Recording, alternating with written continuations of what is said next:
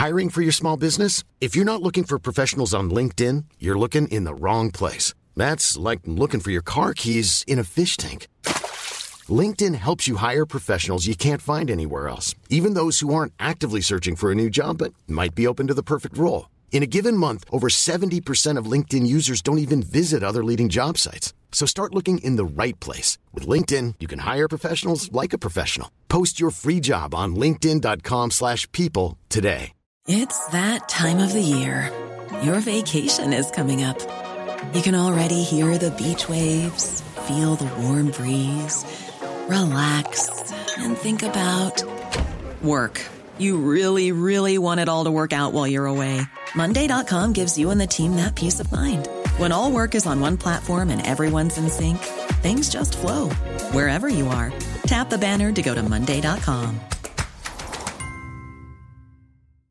Ready to pop the question? The jewelers at BlueNile.com have got sparkle down to a science with beautiful lab grown diamonds worthy of your most brilliant moments. Their lab grown diamonds are independently graded and guaranteed identical to natural diamonds, and they're ready to ship to your door. Go to Bluenile.com and use promo code LISTEN to get $50 off your purchase of $500 or more. That's code LISTEN at Bluenile.com for $50 off. Bluenile.com code LISTEN.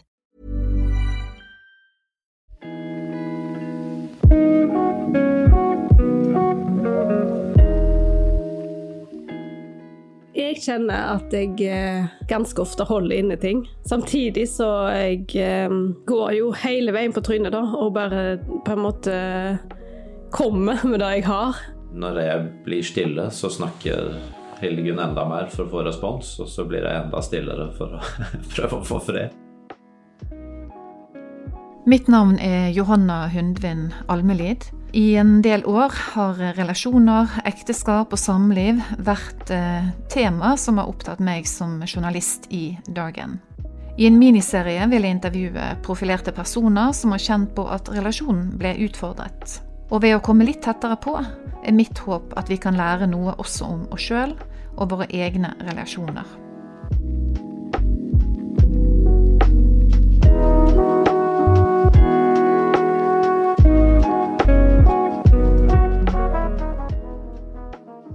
Introvert og ekstrovert, det er stikkord for eh, dagens eh, tema. Og i den anledning så har jeg tatt turen hjem til eh, Hildegunn og Egil Elling Ellingsen i Stavanger. Hildegunn hun er sykepleier og jobber i akuttmottak. Og Egil Elling han er hovedpastor i Imi kirken i Stavanger. De har vært gift i 19 år og har tre barn. Og en av dere er introvert, og den andre er ekstrovert. Hvem av dere som er hva, det skal vi jo raskt eh, få svar på, men aller først skal vi bli litt kjent med dere to. Og da kan vi starte med deg, Hildegunn. Hvem er Egil Elling, for de av oss som ikke kjenner han så godt? Ja, Elling han er en veldig positiv og morsom eh, type. Han er gøy å være i lag med, syns iallfall jeg. Det skjer alltid litt kjekke ting rundt han. Og det han er opptatt av, da går han veldig inn i. Han er grundig og leser seg opp på ting. Og det som ikke han syns er så veldig interessant, da lar han lett bare fare av gårde. Han tenker masse, og han leser mye. Han har stor kapasitet, og så er han flink til å sette ord på tanker og følelsene sine. Iallfall hvis han blir spurt om det. Eh, det jeg falt for med Elling, det tror jeg var spennet hans. At han, han er ganske brei, både i interesse og og livet. Han, eh, han, liker å være med forskjellige folk, og han eh, har stort interessefelt. Og så liker jeg òg at han eh, kan være litt småfrekk og leken, og til tider veldig ordentlig. Kan være litt passiv og veldig engasjert. Tror Elling han tror jeg har det best når han får jogge, når han får undervise folk, eller hvis han kan være med folk han er glad i. Nå følte jeg at jeg fikk vite veldig mye om deg. Ja, det, var. det var jo eh, veldig interessant. Og, eh, men du da, Egil eh, Elling, hvem er Hildegunn? Hildegunn er ei veldig utgangspunktet mild, godhjerta eh, dame som, eh, som, vil det beste for alle rundt seg. Samtidig så er hun uh, tøff, og har egentlig med åra bare blitt tøffere og på en måte så mer direkte. Jeg tror hun er jo sykepleier, som du sa, og har nok blitt forma av noen år i akuttmottaket òg. Uh, jeg har ikke sett henne på jobb, men alt tyder på at hun er en veldig dyktig, god sykepleier. Som, uh, som, som på en måte kanskje der ja, et av stedene hvor hun får kombinert veldig bra denne her mildheten og tydeligheten sin. Så er hun eh, godt humør. Veldig lett å få til å le. Lett å få med på gøye ting. Eh, hun, eh, vi skal jo inn på introvert og ekstrovert. Hun uh, kan jo være en som eh, tenker litt mens hun snakker, så det kan føre til noen underholdende uttalelser av og til. Eh, og så er hun Ja, hun er på en måte veldig sånn engasjert i menneskene rundt seg og hvordan hun kan gjøre det godt for dem. Så for å følge opp Hilgen. Hildegunn, hun sa når jeg har det best. Jeg tror Hildegunn har det best når hun får være med folk hun er glad i. Eh, når hun får eh, eh, ha det godt rundt seg i hjemmet sitt. Hun er veldig hjemmekjær. Veldig glad i, glad i hjemmet sitt. Eh, og så falt jeg for denne på den ene sida milde gode personen, som også er Det kan jeg jo si, hun er også veldig sånn deilig ukomplisert. Det er lite drama med Hildegunn, så vi har og til tulla med at det er som er jenta i forholdet, for det er nok litt, litt mer komplisert på innsida. ja. Du nå eh, litt sånn utenom eh, det som var oppsatt her, men eh, Egil Elling, kan du bare si litt om navnet ditt? Egil Elling Ellingsen. Ja, jo, det er i hvert fall et navn mange husker. Det er egentlig ikke så komplisert. Min far het Egil, hans far het Elling, og da ble jeg Egil Elling. Så kan jeg jo si at min pappa hadde først syv søstre og så tre døtre, så når det endelig kom en gutt rundt han, så var det veldig stas. Og da å kalle opp etter både seg sjøl og sin far tror jeg var fint. Ja. Ja. I denne podkasten skal vi snakke om et tema som får fram ulikhetene mellom dere. Eh, men vi, skal, vi kan jo starte med å snakke litt om områder som dere er like på. Hvem ja. av dere vil begynne? Skal jeg begynne? Yes. Det er jeg som snakker mest? Ja. Nei, jeg tenker det åpenbare er jo verdiene våre og bakgrunnen vår. Vi kommer fra ganske like, like hjemme. Eh, har fått med oss ganske lik ballast. Så da tenker jeg kanskje det det første jeg tenker på. Ja, og blitt veldig synlig i møte med f.eks. det å få barn, at det har vært veldig lett for oss å bli enige om hvordan vi vil gjøre ting, fordi at verdimessig er vi veldig på samme sted. Mm. Eh, og så har vi hatt ganske mange like interesser. Eh, fotball, musikk, eh, reising, venner. Eh, ja, det er også en likhet. Lett for oss å bli enige om ting som er kjekt å gjøre sammen. Ja, og så tenker jeg at um vi er ganske like det at vi unner hverandre ting. Jeg har lyst til at han skal gjøre ting utenom meg.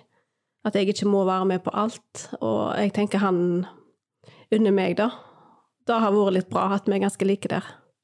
Du nevner jo fotball. Nå sitter vi i en sånn skikkelig fotballbule og eh, spiller inn denne podkasten hjemme i huset deres.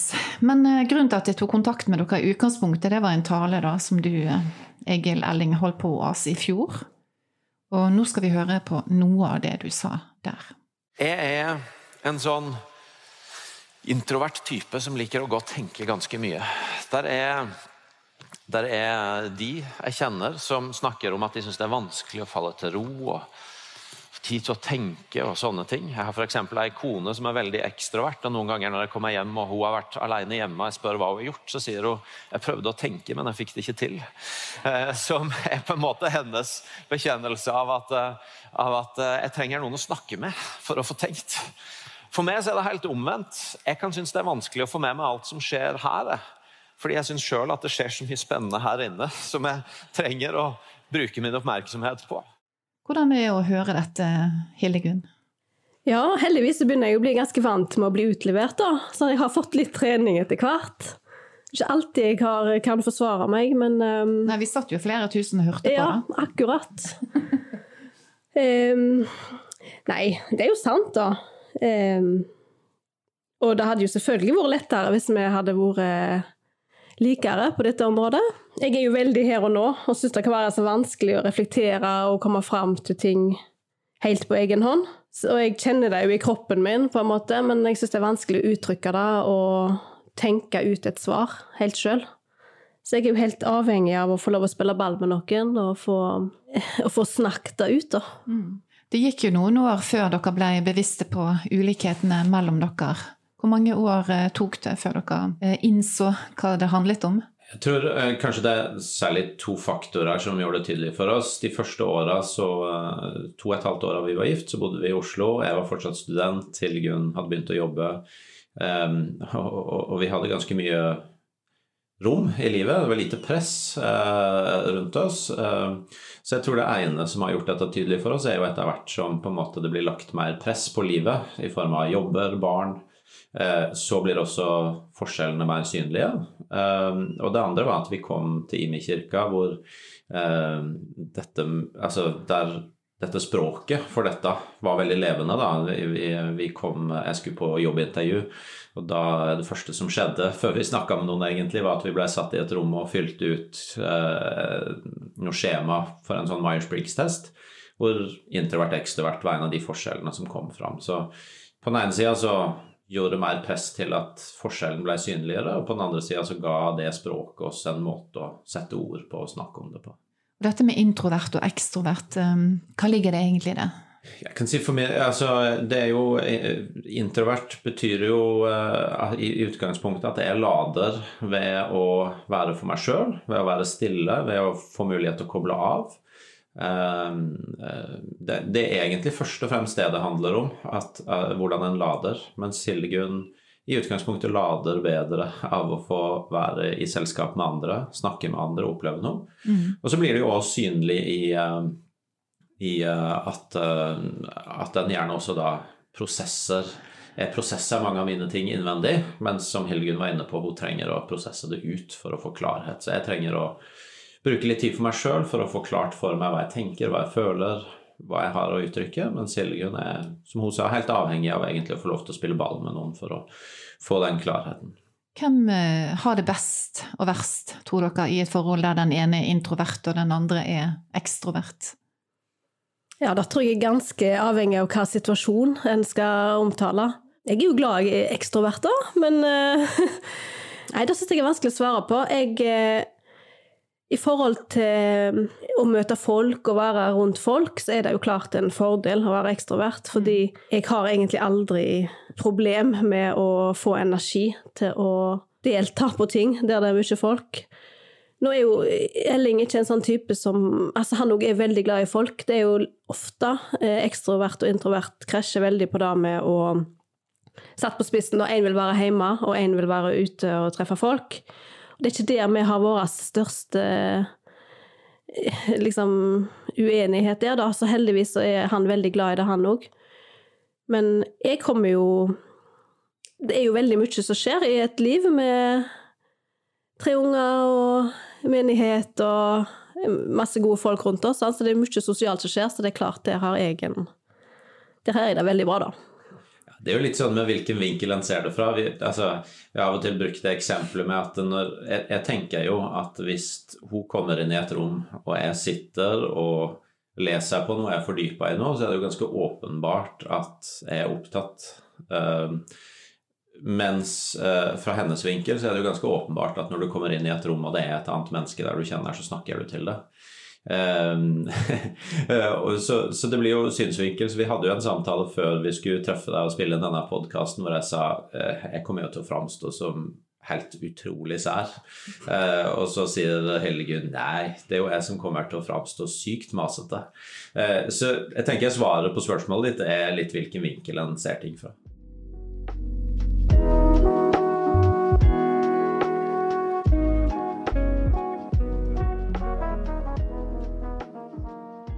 Dere har jo vært gift i 19 år. Eh, hvordan påvirker ulikhetene hverdagen deres da?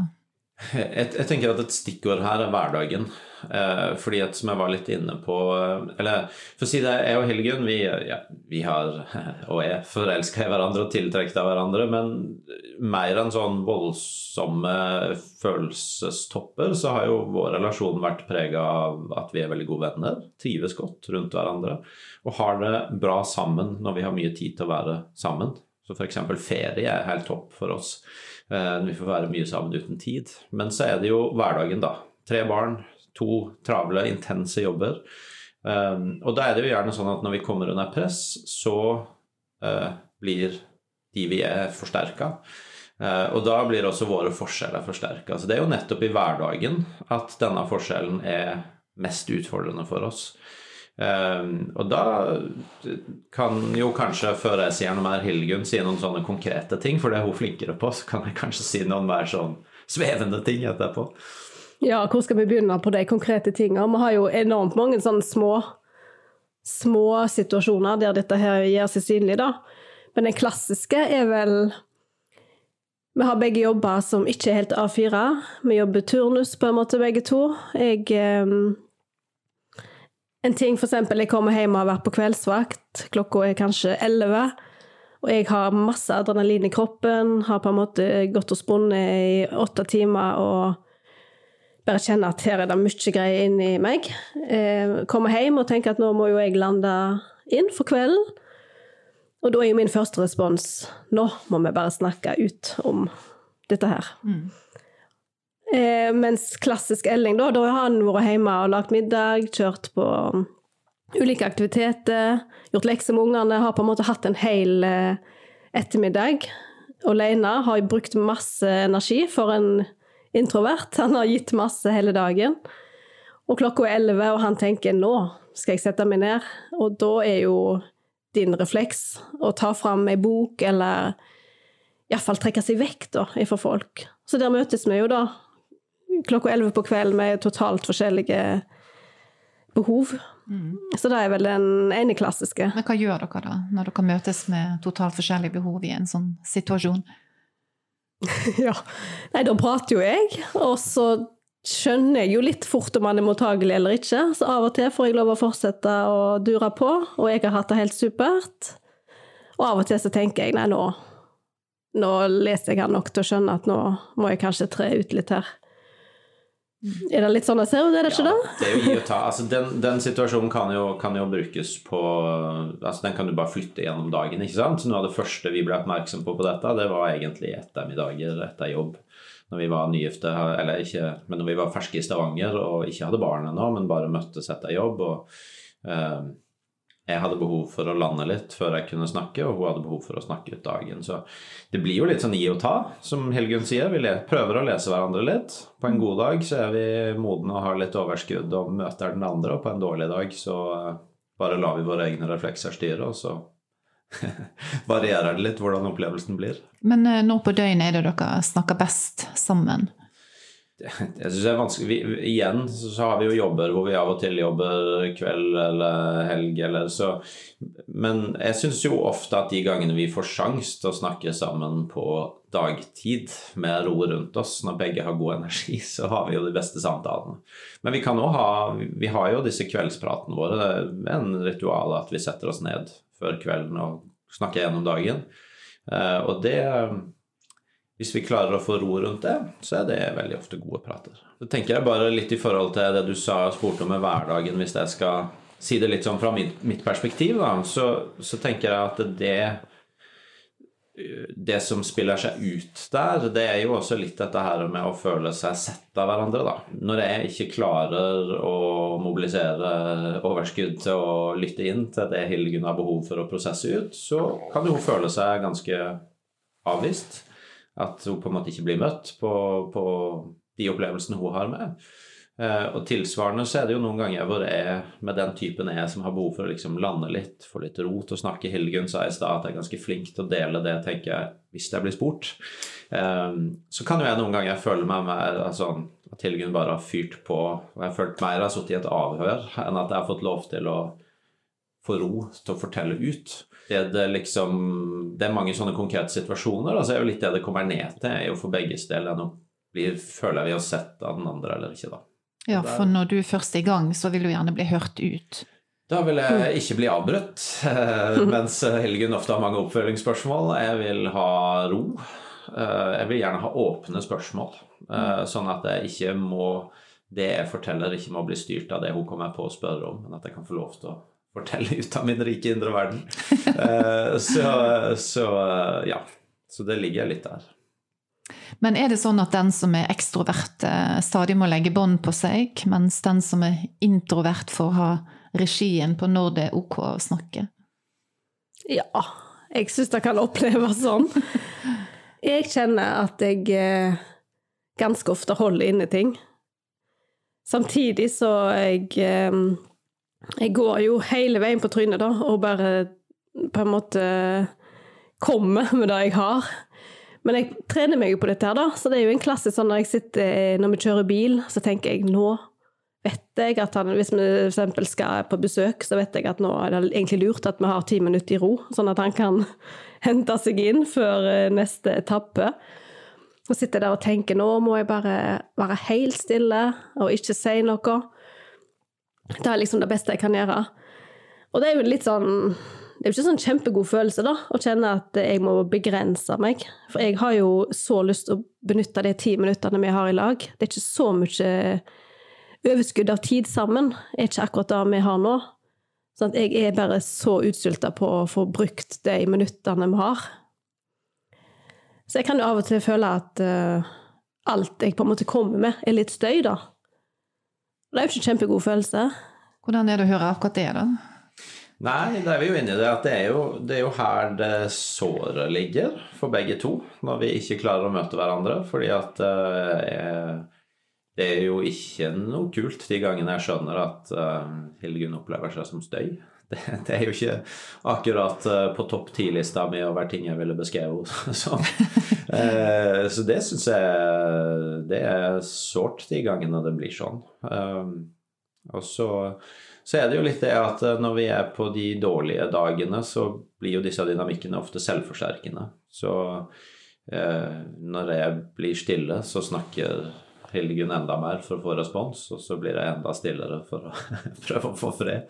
Eh, og så øver vi oss jo, så eh, forhåpentligvis blir vi litt og litt flinkere på å møte hverandre. Mm. Ja, og jeg har jo jeg har jo absolutt erfart da, at hvis jeg på en måte Nå har jo han sagt hva han egentlig trenger. Så hvis jeg klarer å holde det inni meg Jeg har funnet meg en bok, jeg skriver ned ting. Bare for å ikke liksom uh, glemme det, da.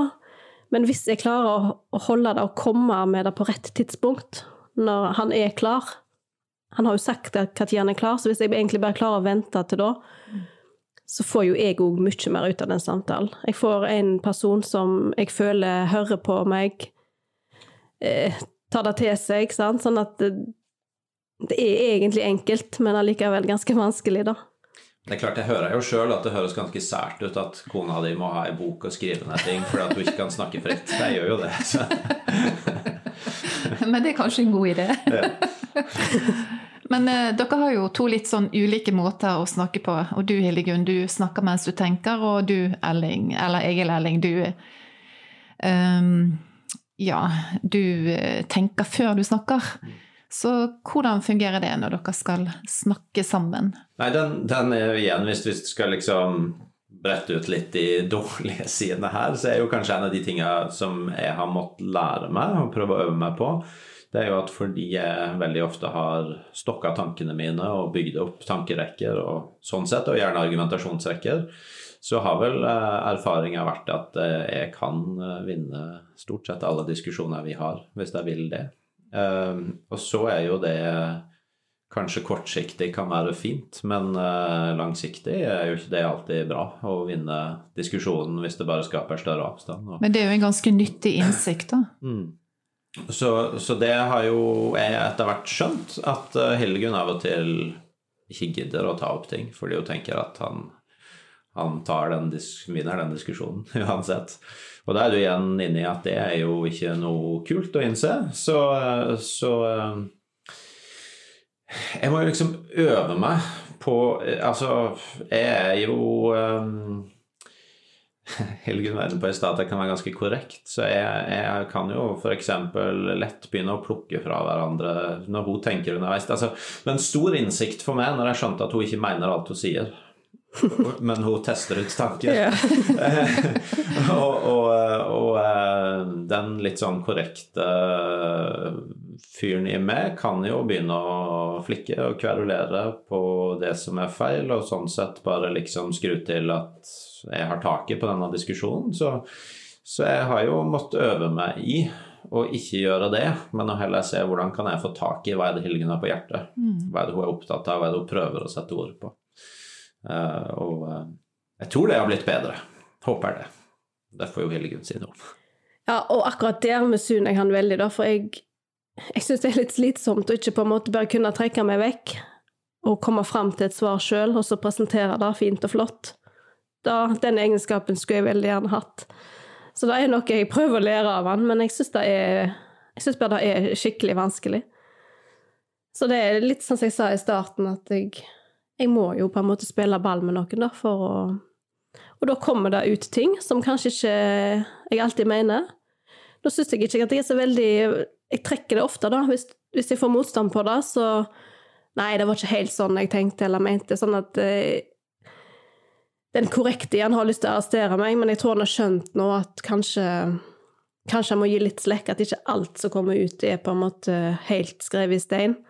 Og at i løpet av samtalen så får jeg sagt hva, hva å spisse der, da. Men uh, dere har jo uh, også snakket med andre par om uh, disse sidene ved dere sjøl, og det er andre par som har det på akkurat samme måte. Hvordan, hva, hva lærer dere der, eller hva, hva har dere igjen for det å snakke med andre om det? Ja, det tenker jeg har vært helt avgjørende for oss. Jeg, jeg bare kjente at når vi, når vi ble litt klar over disse sidene, så er det jo litt sånn skummelt med en gang å merke at her er du ganske forskjellig. Men så har vi masse gode folk rundt oss, og flere har et språk for dette, og vi har venner som, som har disse forskjellene. Så når vi begynte å snakke litt om dette, og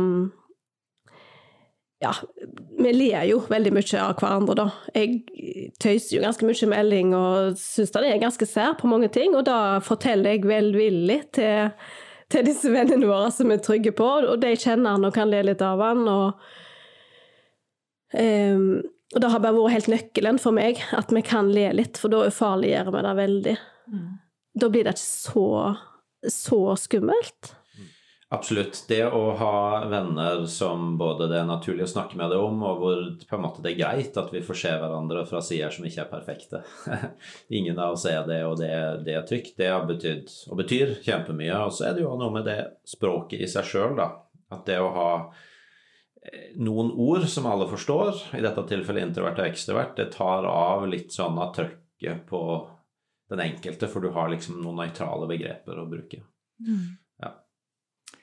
Har dere råd til andre par som kan kjenne seg igjen i eh, problemstillingen med å være introvert og ekstrovert? Jeg tror eh, altså det siste vi var inne på, eh, å snakke med andre om det, på en måte ufarliggjøre det. Jeg tror det som jeg sier, med å ha, bruke disse språka altså, jeg jobber jo litt med dette i coaching-sammenheng òg. Da sier jeg at hvis en har sånne nøytrale språk, så får en færre sånne 'du er så'-samtaler, som jo ofte kan bli ganske sårende. Så hvis jeg kan snakke med Hildegunn om at hun er ekstrovert, og hvordan det funker opp mot meg, i stedet for å si at du er så utrolig masete eller pratete eller et eller annet, så gir det grunnlag for å ha en mye mer produktiv samtale. Så det å bruke sånne redskap, det tror jeg er gull verdt. Eh, det er jo en del som ikke liker så godt å bli satt i bås og sånne personlighetstester og sånne ting, men hvis en tenker at det er ikke liksom hele fasiten om hvem en er, men det er et verktøy for å kunne ha konstruktive samtaler, så tror jeg det er veldig til nytte. Og så, så, tror jeg Hildegunn var inne på at hvis en kan etablere en sånn trygghet at en kan ha det litt gøy med hverandre og le litt av hverandre og le litt av seg sjøl, komme til et sted hvor det er greit å ikke ta seg sjøl så høytidelig i det, så tar det av mye trøkk. Da. Ja, for meg var det litt et gjennombrudd å skjønne at jeg ble forsterka når jeg var trøtt eller sliten. Og det har hjulpet meg litt når jeg ikke føler jeg får helt den responsen, og jeg bare mater på. Og når vi nå har gått noen runder med dette gjennom disse åra, så OK, nå er jeg ganske trøtt og sliten, og nå hører jeg jo sjøl at jeg egentlig er litt uh, masete. så jeg tror, jeg tror, det er ganske viktig å være bevisst på det. Um, det har hjulpet meg litt til å eh, bare tenke nå legger jeg det vekk litt, og så tar jeg det opp igjen i morgen. Og da er jeg en annen utgave av meg sjøl. Mm. Så tror jeg også En ting som vi har snakket litt om, som i hvert fall for Hildegunn har vært litt sånn, det har vært dette med også hvordan disse dynamikkene funker i familiesettinger. For det er klart, eh, for det om vi kommer fra veldig sånn lik verdimessig familiebakgrunn, så har vi forskjellige kulturer i familien vår. og jeg tror nok for Hildegunn så um, kunne det være litt utfordrende å ha en sånn sær bokorm som heller gikk og satte seg for seg sjøl, enn å sitte med resten av gjengen var litt utfordrende. Og da har det òg vært bra å kunne snakke litt om hvordan vi har det bra sammen også i sånne settinger. Ja, og så har jeg forstått hvorfor du gjør det nå. sant? I, I, starten så tenkte jeg at det var en sånn synlig synlig ting på at nå trekker han seg ut av vår samtale. Og da ble jeg litt sånn skuffa, vil han ikke være sammen med oss?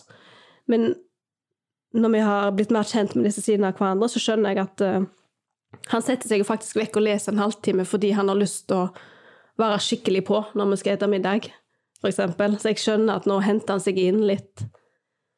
Så nå syns jeg bare det er litt koselig, faktisk, når du av og til går vekk og leser litt, for da tenker jeg nå tar han hensyn, for han har lyst til å bidra på et senere tidspunkt. Nå lader han.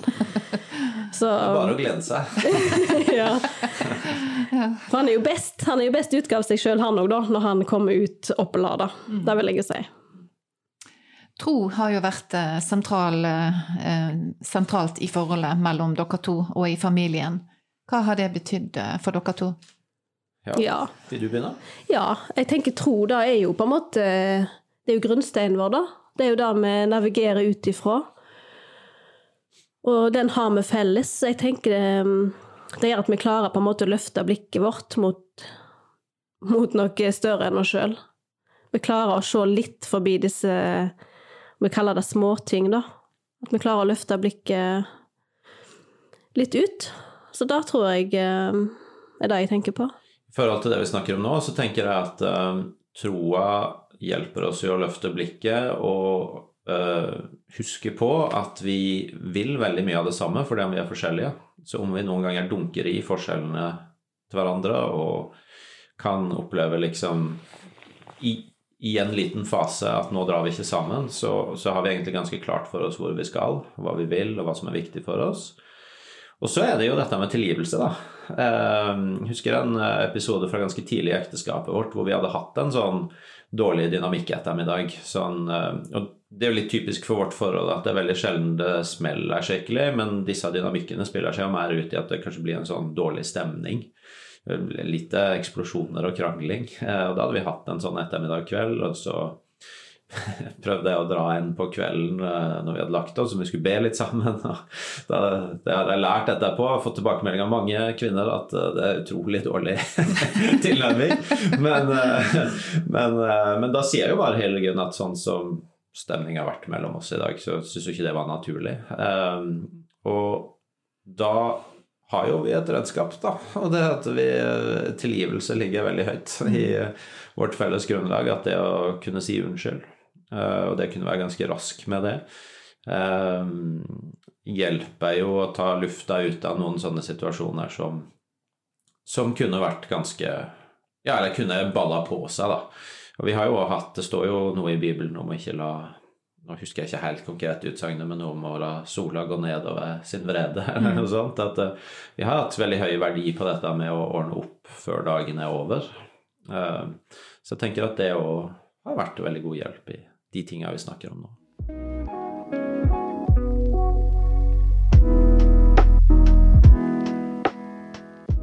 Tusen takk, Hildegunn og Egil Elling Ellingsen. Dette syns jeg var veldig interessant. Og så er jeg sikker på at eh, denne samtalen her, den kan sette i gang mange andre gode samtaler. Så tusen takk.